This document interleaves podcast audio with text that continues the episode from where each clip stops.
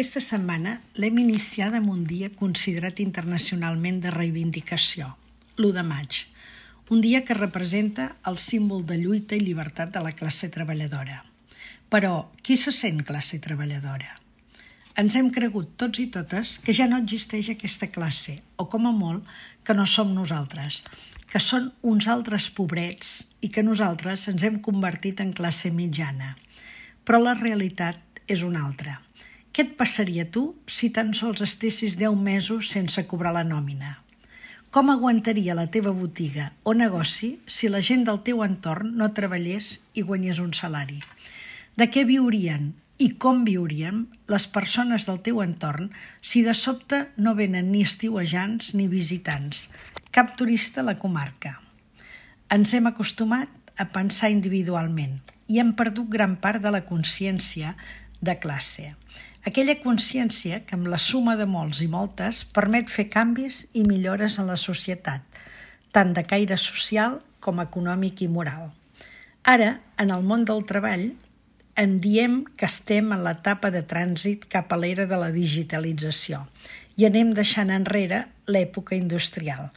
Per això, veiem que el dia 1 de maig només s'omplen alguns carrers de les capitals de demarcació de sindicalistes i, com a molt, treballadores i treballadors que estan en conflictes laborals en els seus centres.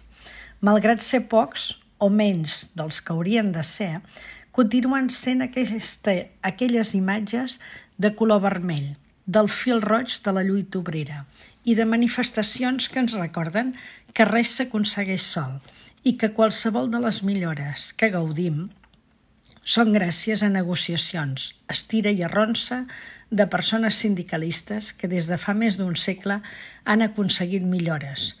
Millores com des de la jornada laboral de 8 hores que reivindicava la Isabel Vilà, la primera sindicalista catalana, que en l'entorn del món del sur us posava al davant de les assemblees de treballadors per aconseguir millors condicions laborals, especialment de les dones i dels infants, a les fàbriques del Baix Empordà, o, per exemple, els 30 dies de vacances obligatòries i fins i tot a les condicions de l'anomenat IMSERSO, que tenia per objectiu poder mantenir l'ocupació laboral en diferents emplaçaments turístics i s'ha convertit en un conegut esbarjo i benestar per moltes de les nostres persones grans. Per tant, en el món del treball es produeixen molts canvis. Per viure bé el present no podem oblidar ni el passat ni deixar de tenir mirada llarga cap al futur hi ha professions imprescindibles que cal potenciar.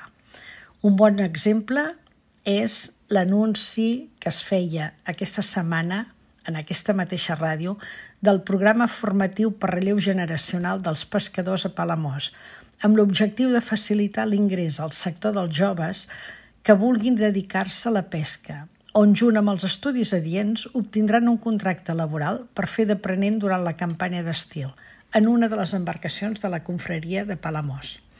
L'estudi de les necessitats formatives, les millores de les condicions laborals i una societat més justa i equilibrada són en molta part fruit de molts anys d'estudi, reivindicacions i de ser 1 de maig cada dia.